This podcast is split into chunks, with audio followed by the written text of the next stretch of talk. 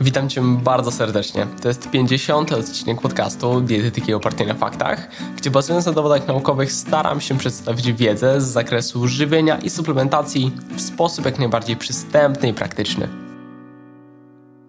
Na temat diety przy budowaniu masy i siły mięśniowej mówi się wiele i często można znaleźć w tym zakresie sprzeczne informacje. Niekiedy myli się priorytety, a więc zwraca się uwagę na kwestie mało istotne, zapominając o fundamentach. Niekiedy można usłyszeć oklepane kulturystyczne przekonania, które niewiele mają wspólnego z prawdą, a czasem od natłoku informacji pojawia się problem i pytanie, o co tak naprawdę warto zadbać. Dziś wraz z moim gościem, Arkadiuszem Matrasem, współzałożycielem dietetyki nie na żarty, porozmawiamy o skutecznym budowaniu siły i masy mięśniowej w oparciu o dowody naukowe oraz praktykę. Zapraszam do materiału. Cześć, witaj Arku. Cześć Radiu, cześć, witam cię serdecznie. W tym podcaście gościsz już drugi raz, natomiast być może jeszcze ktoś cię nie zna, więc przedstaw się proszę słuchaczom. Cześć wszystkim, bardzo miło mi, że y, słuchacie tego odcinka. Ja nazywam się Arkadiusz Matras, jestem magistrem dietetyki i reprezentuję dietetykę Nie na żarty, która kiedyś mocno specjalizowała się w sportach siłowych, teraz już z uwagi na mm, większą liczbę pacjentów już troszkę się to rozmywa, ale nadal ponad połowa naszych pacjentów trenuje na siłowni. Mam nadzieję, że będzie to dążyło do 99% i każdy w Polsce będzie uprawiał sport. Super. Mm.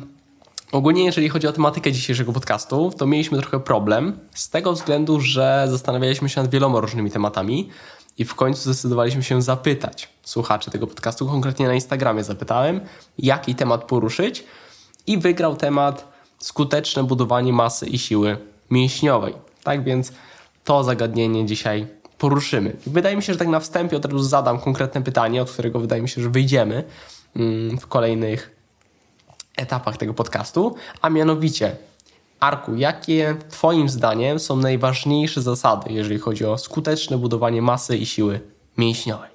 Mhm, no to, to ja się cieszyłem troszkę, że ten temat wygrał z tego względu, że sam jestem po etapie budowania masy mięśniowej i, i siły mięśniowej, więc taki wiesz, na świeżo to zawsze się ciekawie i z większą pasją o tym wszystkim mówi. No myślę, że najważniejszym, no trzeba to jednak chyba zaznaczyć, że jednak ten trening siłowy Y, mądry, taki ukierunkowany czy to na hipertrofię, czy na siłę, no będzie w głównej mierze determinował wzrost naszej masy i siły mięśniowej. No ale my z uwagi na fakt, że bardziej specjalizujemy się w dietetyce, no to na ten temat będziemy głównie dyskutować, więc jak już mamy dopchniętą, dopchnięty trening, wiemy co i jak trenować, no to przechodzimy zawsze do tego tematu diety. No i myślę, że y, pierwszą rzeczą, którą trzeba zrobić podczas ustalania diety na masę, tak to nazwijmy, no to jest prawidłowe wyliczenie zapotrzebowania kalorycznego, żeby optymalnie stymulować te mięśnie nasze do wzrostu.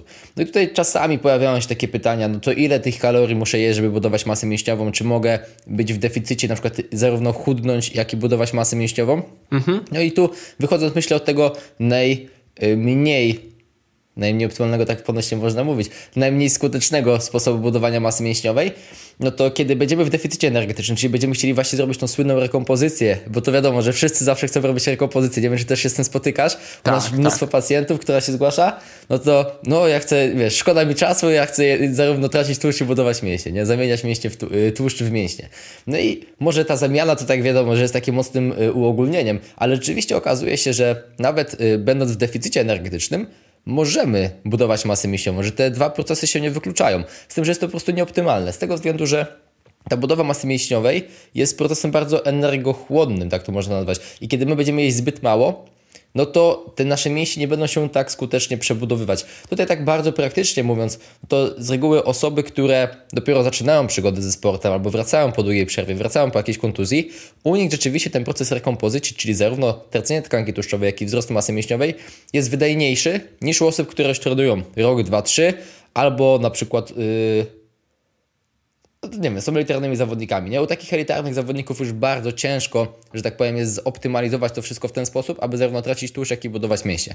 Więc jest to do zrobienia, ale nie jest to po prostu optymalne. No i tak jak wspomniałem, ten proces y, budowania mięśni jest bardzo energochłonny. To ktoś mógłby sobie powiedzieć tak, jeżeli ja chcę zbudować mięśnie, no to muszę dostarczyć tyle kilokalorii, żeby jakby dostarczyć substratów do zbudowania 1 kg mięśni, tak? Czyli 1, 1 kg mięśni składa się w 75% z wody, no tam około 15-20% z białka, no i tam ostatnie te kilka procent zostaje na tłuszcz i glikogen mięśniowy. No i kiedy to się tak obliczy, to daje nam około 1200 kilokalorii, jeżeli nic nie pokićkałem, yy, takiej yy, energii, którą musielibyśmy dostarczyć, nie? Tak samo czasami osoby, wiesz, yy, denerwują się, mówią, o ja kupiłem kilogram białka w paczce, zjadłem ten kilogram białka, nie mam jednego kilograma więcej mieści. A z tym to nawet się nie spotkałem. Nie spotkałeś się z tym? hipoteza w ogóle. No to, to kiedyś na jakiejś grupie widziałem. No taka, nie wiem czy to troll był, ale no takie śmieszne troszkę. No to w każdym razie, no niestety tak nie jest. Musimy tej energii dostarczyć o wiele więcej, ponieważ jak się okazuje, kiedy my zaczynamy wchodzić w nadwyżkę kaloryczną, to tak jak mówi się dużo o adaptacjach, wy na przykład też mieliście świetny odcinek z Michałem na temat adaptacji metabolicznych, to działa to w drugą stronę też. Kiedy my się przejadamy, to też zaczynamy więcej wydatkować energii, niż wynikałoby to z takich wzorów matematycznych, tak? Jak my sobie na przykład obliczymy naszą podstawową przemianę materii, a będziemy długo w nadwyżce kalorycznej, to okaże się, że ona może się troszkę zwiększyć w stosunku do tego, co sobie obliczyliśmy. Tak samo zwiększa się ta nasza y, aktywność pozatreningowa, czyli my chętnie gestykulujemy, chętniej pomagamy koleżance wnieść kartony na drugie piętro i tak dalej, i tak dalej. To jest wszystkie jakby takie, to się mogą wydawać małe kroczki, no ale okazuje się, kiedy to wszystko sumujemy, że w ciągu dnia załóżmy, jak będziemy się przejadać o 1000 kilokalorii, tak, czyli ustalimy, że nasza nadwyżka wynosi 1000 kilokalorii, no to z tej nadwyżki zostaje nam na to stricte budowanie mięśni tylko na przykład 300 kilokalorii, bo 700 kilokalorii przepalimy na te aktywności pozatreningowe, na ten wzrost podstawowej przemiany materii i tak dalej, i tak dalej, więc ja tutaj od razu mam pytanie odnośnie tego, co powiedziałeś, odnośnie adaptacji metabolicznych, bo ostatnimi czasy e, sam mocno interesuję się kwestią indywidualnej zmienności pod kątem adaptacji metabolicznych, a ponieważ zakładam, że wy mieliście sporo klientów, którzy chcieli budować masę mięśniową, tak zakładam, mm, to pewnie macie ogólnie taką szeroką próbkę pod tym względem i zastanawiam się, czy nie zaobserwowałeś takiej zależności, że niektórzy, e, pod, jeżeli zwiększało się im kaloryczność jadłospisu, to natychmiast reagowali jeżeli chodzi o wzrost masy ciała, czy tam w ogóle masy mięśniowej. Mm. Natomiast inni e, wręcz przeciwnie, mimo że dokładało się im kalorii, to nie notowali w ogóle wzrostu masy ciała, tak by adaptowali się wciąż i wciąż do większych kalorii. Tak, jak najbardziej. I tutaj mocno się to pokrywa z literaturą naukową, właśnie o tym, co mówisz, że ten taki zróżnicowanie jest no, niesamowicie ogromne. I nawet właśnie w kursie, który puściliśmy, opisuje dokładnie przypadek trójboistki, u której dosłownie nadwyżka, no taka obliczona rzędu 250-300 kilokalorii, pozwoliła przez kilka tak naprawdę tygodni, czy nawet kilkanaście budować masę mięśniową bardzo skutecznie, bo to tempo było zatrważające 1,2% na tydzień masy mięśniowej budowała. No naprawdę kosmiczny wynik to był, a no ta nadwyżka była minimalna. A zdarzają się tak zwani, wiesz, ektomorficy w cudzysłowie mówiąc, którym zwiększasz nadwyżkę, i wiesz, on na przykład przytyje w ciągu miesiąca kilogram, ale w ciągu kolejnych dwóch, trzech tygodni już ta masa ciała znowu stoi, nie? I trzeba konsekwentnie tych kilokalorii dorzucać. I to z reguły są właśnie takie osoby, które, ja sobie po prostu nazywam to bardzo kolokwialnie, czyli mają taką tendencję, tendencję do bycia szczupłym, czyli prawdopodobnie w większym stopniu reagują na tą nadwyżkę poprzez przepalanie y, tych kilokalorii na jakieś takie niezamierzone ruchy, czy jak pokazują ostatnie prace, też mogą więcej tej energii wydalać skałem po prostu. No więc y, widzimy, że to zróżnicowanie jest naprawdę bardzo duże i mamy... Warto postawić na obserwację. Proszę? I warto postawić na obserwację. Tak, jak, no myślę, że tutaj w takiej pracy y, z pacjentem, czy nawet samemu, jeżeli sobie układamy dietę, no to ta obserwacja jest y, jakby niezastąpiona, nie? To, Bo... że sobie wyliczymy na kartce i tu się zgadza, to jednak to trzeba obserwować, czy rzeczywiście my tak reagujemy. Mhm. To myślę, że tak podsumowując, y, co zahaczyłeś o ten temat, podsumowując temat nadwyżki kalorycznej, ja podzieliłem sobie osoby na takie cztery główne grupy. I zaczynając od tej takiej, która potrzebuje najmniejszej nadwyżki energetycznej, to są osoby, które już na przykład są mocno wytrenowane, długo trenują i zawsze mam, ja to sobie tak, no myślę, że niektórych to może dotykać, ale tendencję do tycia po prostu, tak? Czyli mam taki jakby fenotyp, że jak będziemy im dawać dużo kalorii, to oni nie będą tych kalorii przepalać, tylko będą budować tkankę tłuszczową niestety. I u takich osób ta nadwyżka nie powinna być drastycznie duża. No myślę, że takie 250-300 kilokalorii będzie w sam raz, nie? Nadwyżki kalorycznej i żeby ona sobie tam stopniowo budowała masę mięśniową. Drugą grupą, która potrzebuje nieco większej nadwyżki, to są osoby już wytrenowane, no trenują 3-4 lata, mają już troszkę masy mięśniowej rozwiniętej, ale zawsze mają taką tendencję do bycia szczupłym, tak? Czyli to są osoby, które z reguły nie redukują tkanki tłuszczowe, tylko są w takiej wiecznej masie i u nich ta nadwyżka kaloryczna mogła być troszkę większa. Około 500 kilokalorii. Dalej możemy E, mamy trzecią grupę, to są osoby, które są zaczynające dopiero swoją przygodę z siłownią, ale mają tendencję do tycia niestety. I u nich też około 500 kilokalorii nadwyżki myślę, że spokojnie może by dać. Z tego względu, że te osoby mogą szybciej progresować na siłownię, to w nauce ten temat nie jest tak do końca zbadany, ale no tu praktyka jednak pokazuje, że kiedy zaczynamy przygodę z siłownią, to taki procentowy wzrost masy mięśniowej jest raczej szybszy niż w dalszych etapach naszej przygody z ciężarami. I czwartą grupą to są już takie, wiesz, yy, hardgainery, jak to się mówi, czy takie osoby, które nigdy nie mogą przytyć i zaczynam dopiero swoją przygodę z siłownią, tak? Czyli na przykład szczupłe chłopaki, które zawsze mają kratę na brzuchu, mimo że nigdy nie byli na siłowni, no to u nich nawet i do 1000 kilokalorii. I powiem Ci szczerze, że na przestrzeni lat jestem coraz bardziej zwolennikiem tych większych nadwyżek kalorycznych, bo jednak też ze współpracy z pacjentem jest tak, że kiedy on na przykład się zgłasza, a my za wszelką cenę na przykład nie chcemy, żeby on dodał troszkę tłuszczu na swoje ciało, bo on chce budować czystą masę mięśniową. I tak wiesz, bawimy się z tymi małymi nadwyżkami, to może się okazać, że wiesz, w perspektywie 3, 4, 5 tygodni nie jesteśmy w stanie wygenerować tej nadwyżki i wiesz, oscylujemy w okolicach zera kalorycznego i on nieskutecznie buduje tę masę mięśniową. Więc ja raczej jestem z perspektywy praktyka też fanem tych większych nadwyżek, nawet do 1000 no, kilokalorii. To prawda, jeżeli chodzi o to wyważenie mm, nadwyżki energetycznej, to z tym jest duży problem, bo z jednej strony, jeżeli damy zbyt mało, jeżeli y, na przykład chcemy uniknąć zbędnego zatłuszczenia i damy niski, niską nadwyżkę energetyczną, to możemy nie wykorzystać całego naszego potencjału, jeżeli chodzi o budowanie masy mięśniowej. A z drugiej strony, jeżeli damy zbyt dużą nadwyżkę energetyczną, no to to będzie się wiązać również z tym, że zyskamy trochę e, tkanki tłuszczowej. Także ciężko jest to wyważyć w sposób idealny i fajny podział zrobiłeś. Mnie się podoba. Dzięki wielkie. Myślę, że jeszcze co warto dodać, że to, co wspomniałeś o tej nadwyżce, to ja wychodzę mm, też tak właśnie z perspektywy bardziej doświadczenia niż nauki, że wolę dać troszkę większą nadwyżkę na początku, i nawet jak widzę, że ta osoba tyje zbyt szybko i widzę, że ona będzie budowała tkankę tłuszczową niestety też, to wolę sobie tam wsiąść potem te 200, 300, 400 kilokalorii niż iść w drugą stronę, nie? Czyli konsekwentnie dorzucać tych 100, 200, 300 i, i tak jak mówię, tak kroczyć w okolicach zera i nie progresować regularnie, bo jednak te pierwsze tygodnie naszej przygody z reguły są takie najbardziej też entuzjastyczne. Czyli osoba oczekuje największych rezultatów, ma największą wkładkę w to wszystko. Jak ona zobaczy, że progresuje, tak, że to przez pierwszy nie wiem, miesiąc zbudowała już ten kilogram, dwa kilogramy, no i po prostu będzie podekscytowana, no to później ta motywacja może utrzymać się na dłuższy czas. Więc raczej tu jestem zwolennikiem w tę stronę iść. No dobra, to mamy energię jako podstawę na pierwszym miejscu. Co dalej byś wspomniał, jeżeli chodzi o kluczowe kwestie?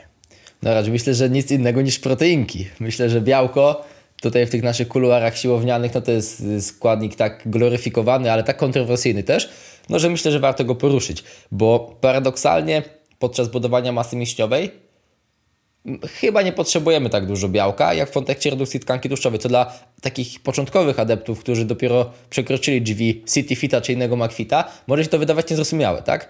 Jak to? Ja chcę budować masę, więc muszę dostarczać dużo tego budulca, tych aminokwasów, tego białka, żeby konsekwentnie tą moją masę mięśniową budować. No, okazuje się, że ten próg dla takiego skutecznego budowania masy mięśniowej dla większości, zdecydowanej większości z nas nie jest wyśrubowany. On wynosi około 1,6 grama na kilogram masy ciała. U większości takich podstawowych adeptów sportów siłowych, sylwetkowych, kiedy przekroczymy te 1,6 grama na kilogram masy ciała z białkiem, no to te wyższe dawki prawdopodobnie nie będą dawać większych rezultatów. Są takie pojedyncze prace, które pokazują, że to RDA, czyli dla 95% danej populacji, przykład kulturystów, y, na białko może być nieco wyższe. W niektórych pracach to dochodzi nawet do 2,2 g na kilogram masy ciała. Dlatego właśnie często się mówi na blogach y, czy na, w postach na Facebooku o tym takim przedziale między 1,6 a 2,2 g na kilogram masy ciała. Y, ja powiem tak, jeżeli mamy takie diety niskokaloryczne, nisko, no tak doszliśmy do 2,5-2700 kilo, kilokalorii, to z reguły trzyma się tych dolnych widełek, tak? czyli 1,6-1,8 grama na kilogram masy ciała. Ale jeżeli mam takiego yy, właśnie typowego ektomorfika, może bardziej nazywajmy go fenotypem nieoszczędnym, tak? bo dostaje dużą nadwyżkę kaloryczną i dużo yy, przewala na głupoty, i ma dużą kaloryczność diety, no to z punktu widzenia praktycznego, aby te posiłki najzwyczajniej w świecie były smaczne, no często idę, wiesz, w górę do około tych 2 gramów na kilogram masy ciała, no bo jak osoba na przykład ma dostać 150 gramów ryżu na posiłek, a 80 gramów kurczaka, no to te posiłki są niepraktyczne i niesmaczne najzwyczajniej w świecie, więc wolę dać trochę więcej tego białka, y, i żeby to było smaczna, fajna dieta, niż żeby on tam, wiesz, na, za wszelką cenę trzymał się tych dolnych widełek. I okaz okazuje się, no myślę, że można postawić taką odważną hipotezę, że im większa objętość treningowa, tym być może ta zapotrzebowanie na białko jest nieco większe. To też takie bardziej spekulacje niż jakieś twarde dowody, ale no, wydaje mi się dość rozsądne to, że im ciężej, im częściej trenujemy, tym te zapotrzebowanie na białko może być troszeczkę wyższe. Tak więc jak mamy takich, wiesz, frików, którzy trenują 4-5 razy w tygodniu, to myślę, że spokojnie w tę górę do 2-2,2 grama białka na kilogram masy ciała możemy sobie iść, bo też jest to bezpieczne, trzeba sobie śmiało powiedzieć, nie? Ja no ogólnie w świecie kulturystyki raczej borykamy się z nadmiarem białka niż z jego niedoborem. Też często spotykam się z takimi komentarzami pod zdjęciami, mm, załóżmy, umieśnionego kulturysty, że nie mówcie mi, że na 1,6 grama białka to zbudował.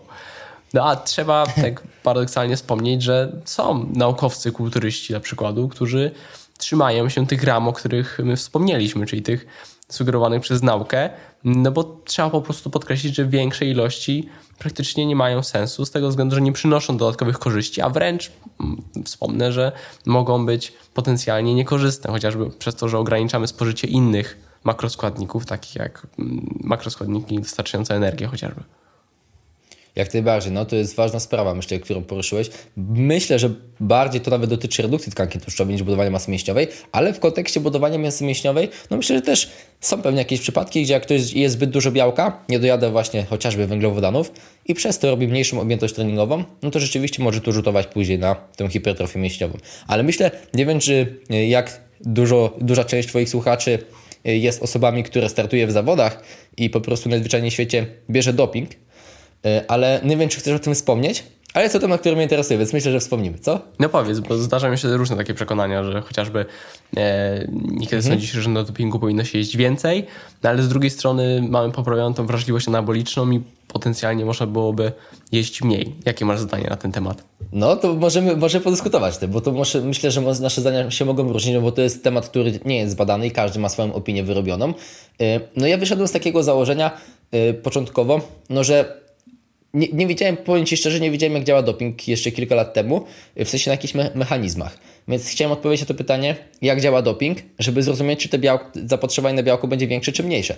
No i yy, kiedy takie podstawowe środki sobie, że tak powiem, przerobiłem w sposób taki naukowy na mechanizmach, to rzeczywiście to, o czym wspomniałeś chociażby w kontekście testosteronu, może być tak, że ta efekt, jakby efektywność wykorzystania tych protein może być nawet wyższa. Czyli paradoksalnie mogłoby się nieco zmniejszać zapotrzebowanie na białko. Ale yy, inne środki, jak chociażby z tego co pamiętam chyba oksandrolon, on nasila ten MPS cały czas, że tak powiem, nie? Czyli on przez 24 godziny, kiedy sobie bierzemy ten środek, to po prostu mamy większe tempo tej budowy masy mięśniowej, jakby no, windujemy sobie te nasze efekty na wyższy pułap. I no przynajmniej w mojej opinii, kiedy wiemy, że te MPS jest tak nasilone przez 24 godziny, no to Pytanie, czy nie potrzebujemy więcej tych cegiełek, żeby te mieście budować? No to jest tylko i wyłącznie nasza opinia, ale my raczej jesteśmy zwolennikami nieco wyższych dawek białka u osób, które ten doping stosują. Też nie jesteśmy tak, wiesz, w drugą stronę, nie? że wiem, że są niektóre osoby, które tam po 5-6 gramów nawet jedzą białka na kilogram masy ciała i tylko zwierzęce czasami liczą. To nie, w tę stronę nie idziemy, raczej w okolicach 3 gramów się trzymamy. No czasami wiesz, znów, jak są jakieś takie bardzo bogato kaloryczne, bo na przykład mamy jakichś zawodników, którzy ważą 120-130 kg i, i właśnie są na dopingu, no to zdarza się, że tego białka jest też troszkę więcej, no bo mamy bogato kaloryczne diety. Ale z reguły około 3 gramów na kilogram masy ciała. Czy to jest dawka optymalna? No ciężko powiedzieć, nie? nie wiadomo. No to prawda. Ale Ogólnie prostu... dużo na ten temat nie wiemy, więc pozostają hipotezy. To też jest trochę taki temat tabu, więc po prostu dużo na ten temat niestety nie wiem. Musimy doktora zrobić na ten temat. Tak. Weźmiemy kulturystów. No dobra, grupę, to podsumowując temat białka, to sugeruje się, że optymalne jego spożycie nie jest tak duże, jak się niekiedy niektórym wydaje. E, optymalne dawkowanie to od 1,6 do 2,2 g na kilogram masy ciała. Mm, wyższe spożycie prawdopodobnie nie przyniesie nam dodatkowych korzyści. Co dalej? No to jak już zahaczyłeś o temat, no to myślę, że temat węglowodanów i tłuszczów musimy sobie poruszyć. Bo to mhm. temat taki, wiesz, z jednej strony czy windować tłuszcz i spodziewać się lepszych y, właściwości anabolicznych naszego organizmu, bo tu niekiedy są, wiesz, krąży takie przekonanie, że głównie tłuszcz odpowiada za naszą gospodarkę hormonalną, no czy windować węglowodany kosztem tłuszczów, mieć niższego teścia, a na przykład robić lepsze jednostki treningowe. No i tutaj w kontekście myślę, że na początku zaczniemy sobie od tego budowania masy mięśniowej, bo z reguły ten trening kulturystyczny, taki bardziej hipertroficzny, cechuje się większą objętością treningową niż trening trójboisty albo zawodnika podnoszenia ciężarów, którzy e, muszą poprawić swój wynik w danym ćwiczeniu. No i kiedy mamy do czynienia z takim objętościowymi jednostkami treningowymi, nie wiem czy śledzisz na chłopaków chociażby z True Bodybuilding, którzy no tych ich jednostki treningowe no naprawdę trwają czasami 2-3 godziny i tam wiesz, jest taka objętość, że jakbyśmy sobie zliczyli tonaż takiego treningu, to by było, myślę, że nawet czasami i trzycyfrowa, w sensie na przykład 100 tysięcy yy, kilogramów, a nie tam wiesz, 20-30 tysięcy jak w Foteksie Turboju. No ale w każdym razie, jak mamy takie ciężkie jednostki bardziej objętościowe, y, to ta podaż węglowodanów może być bardzo kluczowa. Z tego względu, że podczas jednostek podczas ćwiczeń, na przykład podczas uginania na biceps jest taka fajna praca, która pokazuje, że kiedy robimy taką serię do odciny na 12 powtórzeń, no to około, około 80% energii jest czerpana w tej serii z procesu glikolizy, czyli z, no można tak uprościć z glikogenu mięśniowego, czyli głównie z tego cukru. E, no i kiedy badano, jak dużo energii się traci, jak dużo glikogenu się traci na trening oporowy, no to w zależności od pracy byłoby, było to 20-40% takiego glikogenu z mięśni. I kiedy my tych węglowodanów nie będziemy dojadać, będziemy mieć niedobór tego glikogenu mięśniowego, to może rzutować to na naszą objętość treningową, która wiemy, że yy, nie wiem, czy mogę taką śmiałe tezy tu głosić, ale ona głównie odpowiada za ten nasz progres, tak? To te progresywne przeciążenie, ta objętość stymulująca, jak to się mówi, głównie odpowiada za wzrost naszych mięśni. I po prostu, kiedy my zrobimy więcej tych powtórzeń, stymulujących, nazwijmy to tak w cudzysłowie. Ja przepraszam wszystkich trenerów, nie, nie wbijam się w działkę. no to będziemy mieć lepsze efekty, tak? I kiedy przeprowadzono pracę, czy zmniejszona podaż węglowodanów w diecie zmniejsza tę objętość treningową, no to te efekty, te wyniki były niejednoznaczne. W niektórych pracach obserwowano, że e, kiedy osoby jadły mniej węglowodanów, to robiły na przykład mniej powtórzeń w danej serii, czyli mogą mieć później w konsekwencji gorsze wyniki a w niektórych nie było żadnej różnicy. I właśnie tu jest ta różnica, że prawdopodobnie im więcej tych powtórzeń się robi w danym ćwiczeniu, im więcej ćwiczeń robi się na danym treningu, na danej jednostce treningowej, tym w większym stopniu te węglowodany mogą być znaczące dla nas. Jeżeli chodzi o taką rekomendowaną ilość węgli, no to ona w niektórych pracach wynosi od 4 do 7 gramów na kilogram masy ciała na dzień. Czyli jak ja ważę, nie wiem, 100 kg, no to od 400 do 700 gramów węgli y, dziennie powinienem spożywać.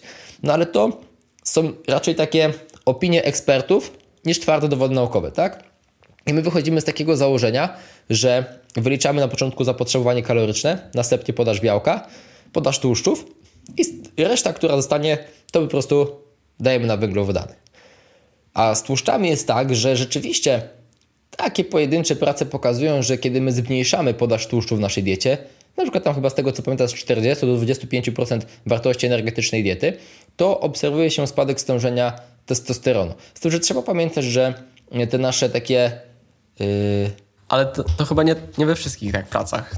Z tego, co mi się wydaje, tego, co mhm. robiłem mm, research, że to nie jest takie jednoznaczne, że zmniejszenie podaży mm, tłuszczu prowadzi do zmniejszenia stężenia testosteronu. Też pamiętam, że tam były kilka prac Wolka, więc ogólnie prace, mhm. które, do których mam pewne wątpliwości co do rzetelności, wiarygodności. Także to tak, wydaje mi się, że to nie jest takie, że zawsze zmniejszenie podaży tłuszczu prowadzi do zmniejszenia stężenia testosteronu. Myślę, że tak i to, co jeszcze właśnie chciałbym zaznaczyć, to że takim pierwszą kluczową rzeczą raczej w kontekście spadku stężenia testosteronu jest ta podaż energii, yy, szczególnie podczas redukcji tkanki tłuszczowej, że ta podaż naszych makroskładników jest, ma raczej drugorzędne znaczenie że najważniejszym jest jednak podaż energii i to, co wspomnieliśmy. Już zakładając na przykład, żeby tak było rzeczywiście, że ten tłuszcz y, działa nam bardziej na zwiększenie stężenia testosteronu, to trzeba pamiętać, że te nasze wahania w tych takich wartościach referencyjnych, że na przykład tam zwiększy się testosteron o 15%, ale on nadal będzie w normie, to nie przełoży się to na nasze zdolności wysiłkowe, na nasz y, wzrost masy mięśniowej, po prostu nie będziemy lepszymi zawodnikami. No to rzeczywiście, jeżeli wiesz, z takiego dolnego pułapu wskoczylibyśmy na ten górny pułap, to nasze samopoczucie mogłoby się poprawić, czasami libido i tak dalej, ale w kontekście e, wzrostu masy mięśniowej, dopiero te takie suprafizjologiczne, czyli powyżej tych wartości referencyjnych dawki, testosteronu, które no, po prostu trzeba przyjąć z reguły e, iniekcyjnie, e, po prostu jako doping, dopiero one znacząco zwiększają nasze zdolności do budowy masy mięśniowej. No więc raczej tutaj ten testosteron traktowałbym jako ciekawostkę, nie przywiązywałbym do tej podaży tłuszczu tak dużej uwagi. No i jednak wszystkie organizacje zajmujące się żywieniem w sporcie mówią wprost, że zapotrzebowanie na tłuszcz powinno być takie jak dla ogółu populacji, no czyli w Polsce jest to od 20 do 35% wartości energetycznej diety. Ja lubię raczej w, na masie dać tych tłuszczów 25-30% wartości energetycznej diety, tak sobie to zawężam, z tego względu, że y, ta większa podaż tłuszczu y, będzie stymulowała to, że łatwiej będzie nam przejadać kalorie z praktycznego punktu widzenia, bo tłuszcz ma większą gęstość energetyczną. Te posiłki z reguły są też smaczniejsze, bardziej się można pobawić. Niektórzy kulturyści podchodzą dość tak, yy, może nie kontrowersyjnie, ale w każdym razie mocno ścinają tłuszcz Widziałem na przykład rozpiskę właśnie Dawida chyba Czechowicza albo Krystiana Wolskiego, nie pamiętam, ale tam 50, 60, 70 gramów tłuszczu, wiesz, przy 700 gramach węgli, to oczywiście można zrobić na ich poziomie, wiesz, może to mieć jakąś różnicę robić, y, ale dla takiego przeciętnej osoby, która chce poprawić swoją sylwetkę, to bilansowanie takiej diety może powodować to, że ta dieta będzie mniej smaczna i po prostu będziemy się troszkę bardziej z nią męczyć, niż gdybyśmy zwiększyli podaż tłuszczu do tych 25-30% wartości energetycznej diety. Bo też trzeba no podać, że... Kluczowa jest praktyka również, nie? Tak, no tutaj bardzo dużą rolę odgrywa. No bo możemy jeść z kurczakiem na masie i wiesz, i mieć później nieprawidłowe relacje z jedzeniem i żygać za przeproszeniem tym kurczakiem i tym ryżem, no ale budować masę mięśniową, ale możemy sobie zrobić, wiesz, tościka yy, z niewielką dawką majonezu, trochę keczupu, no i cieszyć się życiem.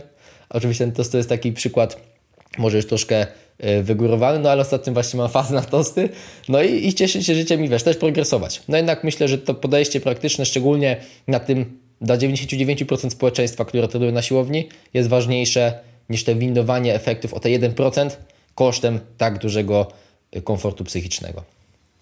Czyli podsumowując ten temat, to raczej dieta wysokowęglowodanowa będzie skuteczniejsza, bardziej optymalna pod kątem y, skuteczności budowania masy i siły mięśniowej. To wiesz co, w kontekście masy myślę, że tak, a w kontekście jednak tej turboju, to mimo, że jestem bardzo zwolennikiem węglowodanów i większość naszych, w sumie wszyscy zawodnicy, bo tak naprawdę mamy pojedyncze przypadki, które po prostu chciały spróbować diety niskowęglowodanowej, a nawet ketogenicznej y, podczas y, treningu turboju siłowego, y, to jednak trzeba powiedzieć, że prawdopodobnie z uwagi na tą mniejszą objętość treningową, no ta podaż węglowodanów w trójboju nie jest tak znacząca, jak w kulturystyce. No bo jednak przez większość czasu trójboiści mają, wiesz, nie załóżmy do 8 powtórzeń w serii.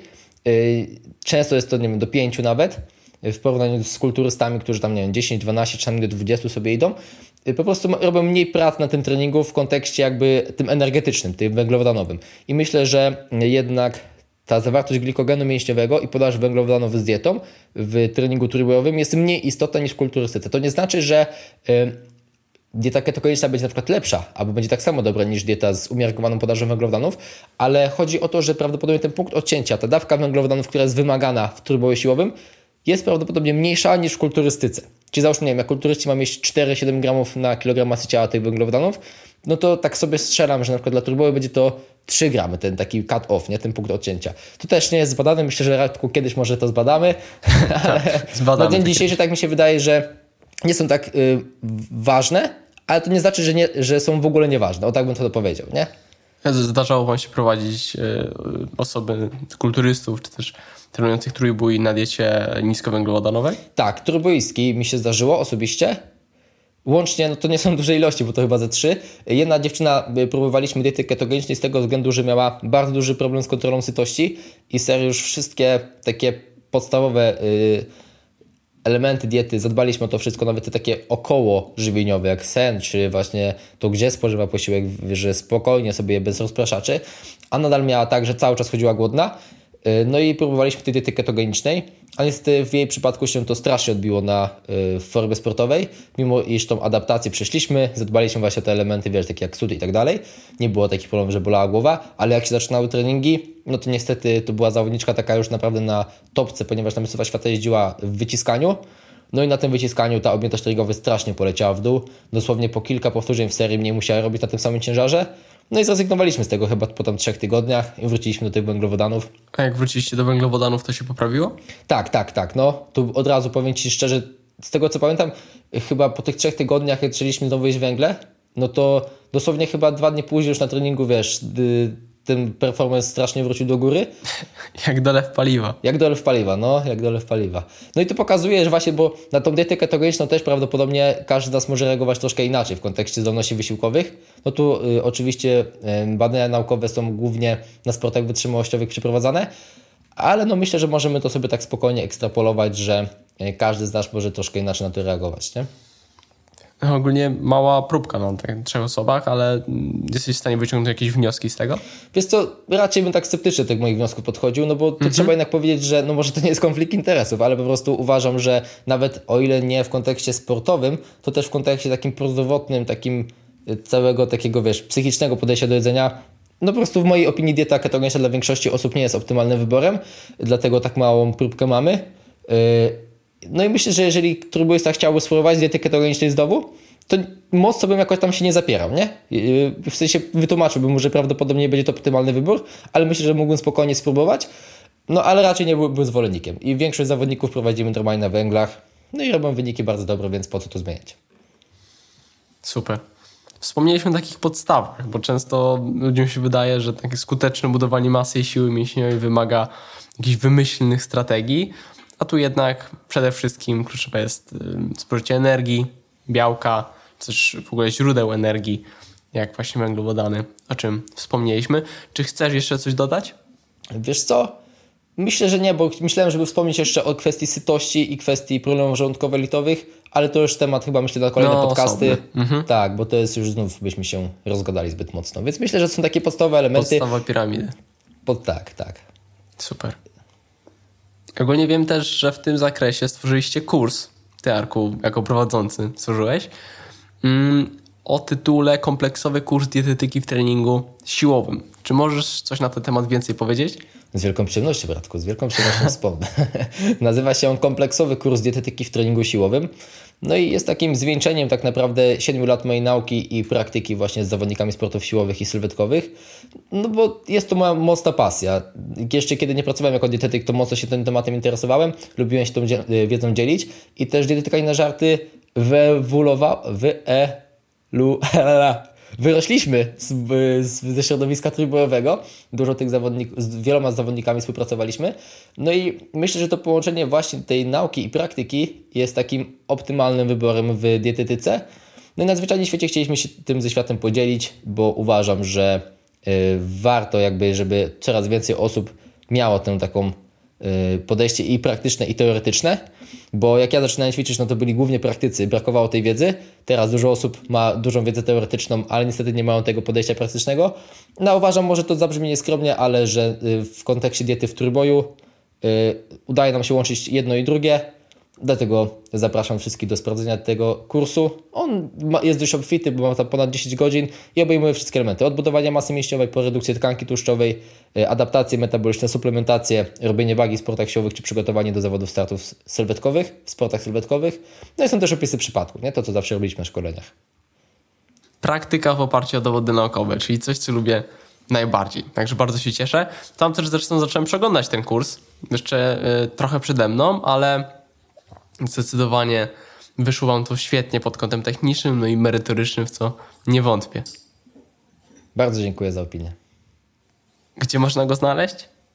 Na stronie dietetyka i na żarty.pl. No i myślę też bardzo ważna informacja, że do 6 grudnia jest też niższa cena kursu, czyli 497 zł zamiast 599 zł.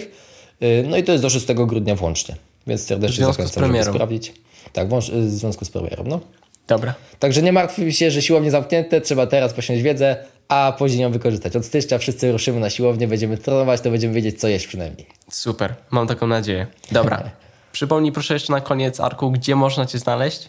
E, Znaleźć nas można głównie na Instagramie dietetykajnażarty.pl, na Facebooku Dietetyka i na żarty i na naszym blogu, blogu dietetykajnażarty.pl.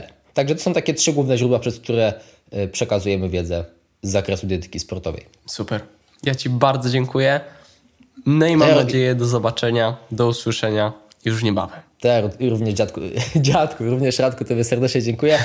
Dziękuję wszystkim słuchaczom, e, życzę Ci miłego dzionka i do zobaczenia w najbliższym czasie. Ja Tobie również. Cześć. Cześć!